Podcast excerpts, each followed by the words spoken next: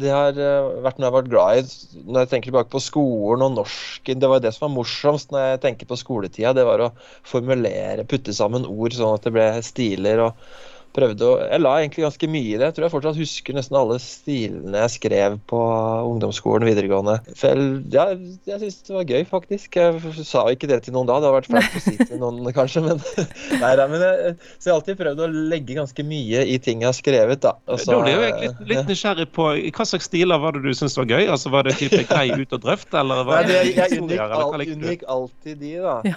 Jeg husker f.eks. en uh, norsktentamen i jeg tror 8. klasse skrev jeg på, på dikt på rim, faktisk. Sånn om en uh, liten sånn øst-vest-problematikken tok utgangspunkt i en gutt i Afrika, så ble det et, et langt uh, episk dikt der, husker jeg.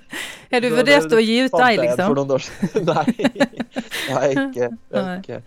Men du, hva er det som inspirerer deg da til å skrive disse bøkene?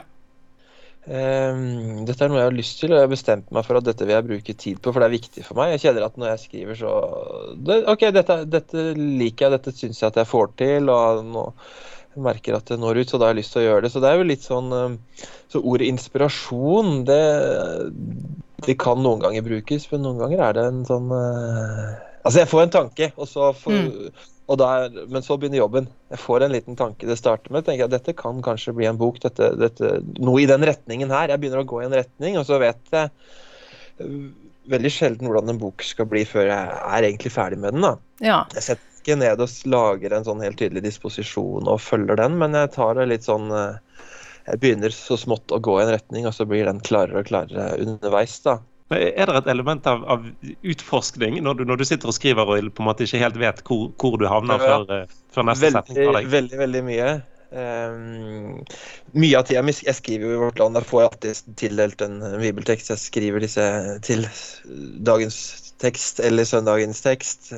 Begge deler. Og da, da, bare starter jeg. Jeg vet ikke Jeg kan få en tekst jeg på en måte ikke har så mye å si om, men så begynner jeg. Så når jeg skriver siste setningen, så, så tenker jeg ja det er sånn det er. Det har jeg aldri hørt før.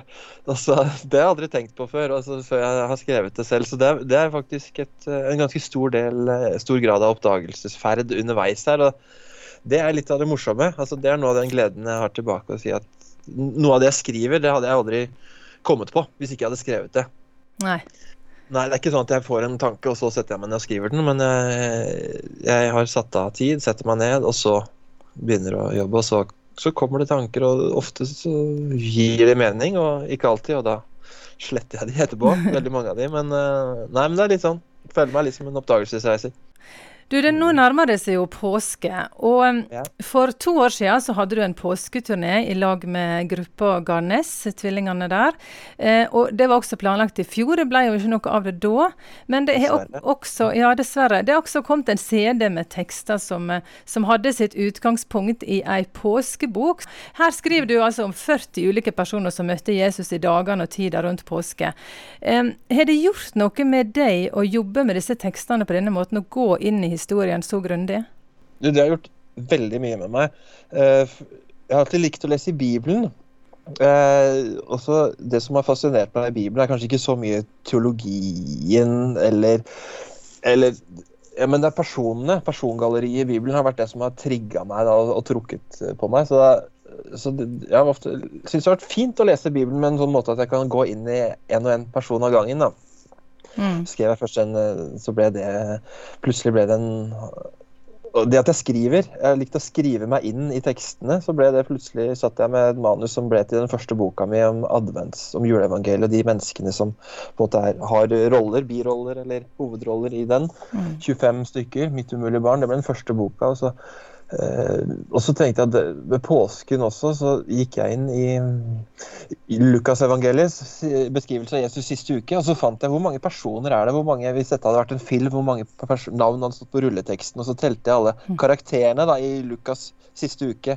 Så fant 40 stykker. Da tenkte jeg at det er jo en fin reise gjennom fastetida inn mot påske. Ja. Så gikk jeg inn i én og én av disse hver dag. Enten det var en Kaifas den ene dagen eller Peter den andre dagen. Og på en måte tok det lille avsnittet som står om den personen. Altså, eller om det var Maria Magdalena eller Jesu mor som står ved korset og ser sønnen sin eh, på en måte, og alle håp som blir korsfesta, eller, eller Johanne som lener seg inntil Jesus på siste kvelden, eller, eller Pontus Pilatus som vasker hendene og eh, ikke vil ha noe avskriver eller avfeier eh, hele, hele, mannen Jesus, ikke sant. Og prøvd å ta en og en person, for fordi Og nå kommer jeg til svaret på spørsmålet ditt, da. Fordi at når jeg leser Bibelen og alle personene der, så tenker jeg at jeg kjenner meg igjen. Altså De fleste det kunne jo vært meg. Ja. Altså De havna oppi det. og så Jeg kjenner at jeg har litt sånn en person, en porsjon av dem alle. Noen ganger har jeg nok kjent meg litt sånn, sånn Pilatus som vasker hendene og avskriver seg ansvaret. Noen ganger kanskje er jeg den Peter som uh, sier høyt og tydelig at du, jeg tror, andre ganger jeg har jeg en dose av den Peter som, som, stikker av gårde og ikke tør å stå for det. Andre ganger så, så er det som om jeg selv står der ved korset og ser Jesus henge der. Andre ganger er det som om jeg løper entusiastisk fra graven og sier du, han lever, han lever. Mm.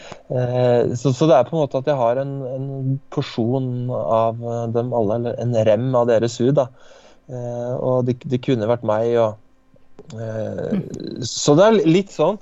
Eh, både lyset og mørket. så de, Bibelens persongalleri har på en måte favner hele menneskeheten, tenker jeg. I hvert fall meg. I hvert fall mitt liv. Mm.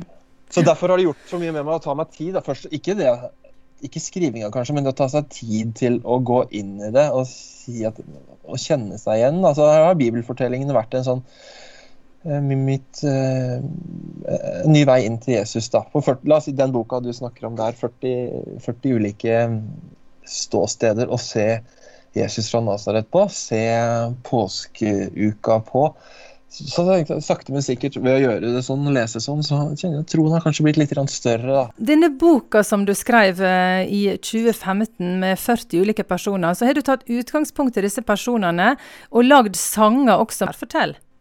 Ja, du, var, jeg tenkte at du var ikke ferdig. Den, den, den ville noe mer, den boka. Så, så vi, det ble vel 12-13-14 sanger.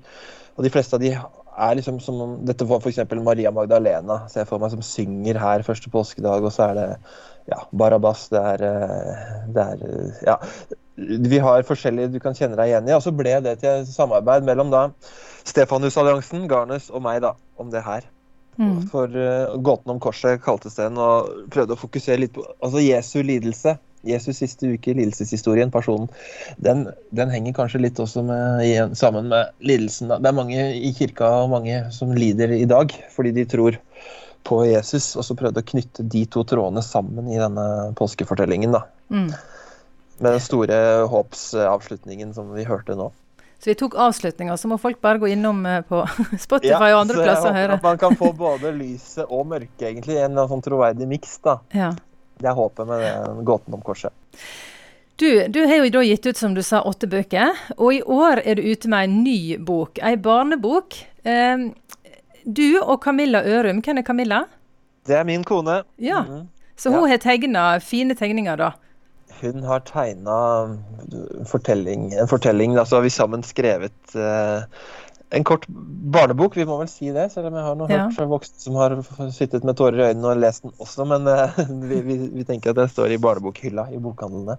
Den heter 'Det lille store eselet'. Det var en liten motsetning der. Ja, ja litt sånn er det. Prøvd å ta tak i noe litt sånn allment menneskelig. Det handler om et lite esel også, som uh, som eh, kjenner at hjernen skulle vært litt større, hjernen skulle vært litt eh, flinkere. Og finner eh, en liten katt der, og de, de blir vennskap. Prøver å måte jeg, tøye noen grenser i dette at jeg, jeg, er, ikke, jeg er, ikke, så stor, jeg. Og mm. prøver å skrive om noe litt sånn allmennmenneskelig.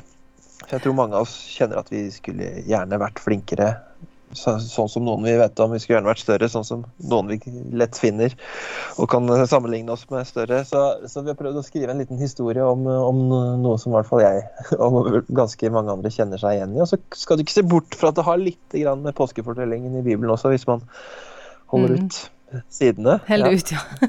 Hva er det som er det viktigste for deg å formidle om Jesus, altså både i bøkene dine og fra talerstolen?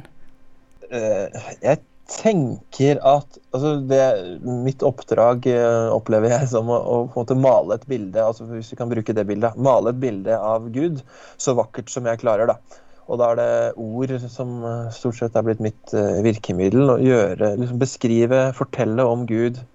Og gjøre det så, så, fint jeg bare kan. Og så håper jeg at det kan bli en invitasjon. først og fremst at det er en invitasjon inn i det fellesskapet mm. med Gud. Altså, jeg tror det er det å leve som troende menneske. Det er først og fremst et fellesskap med Gud. Og, så jeg håper at mitt liv kan oppsummeres en gang med at det var en slags invitasjon inn i det. da.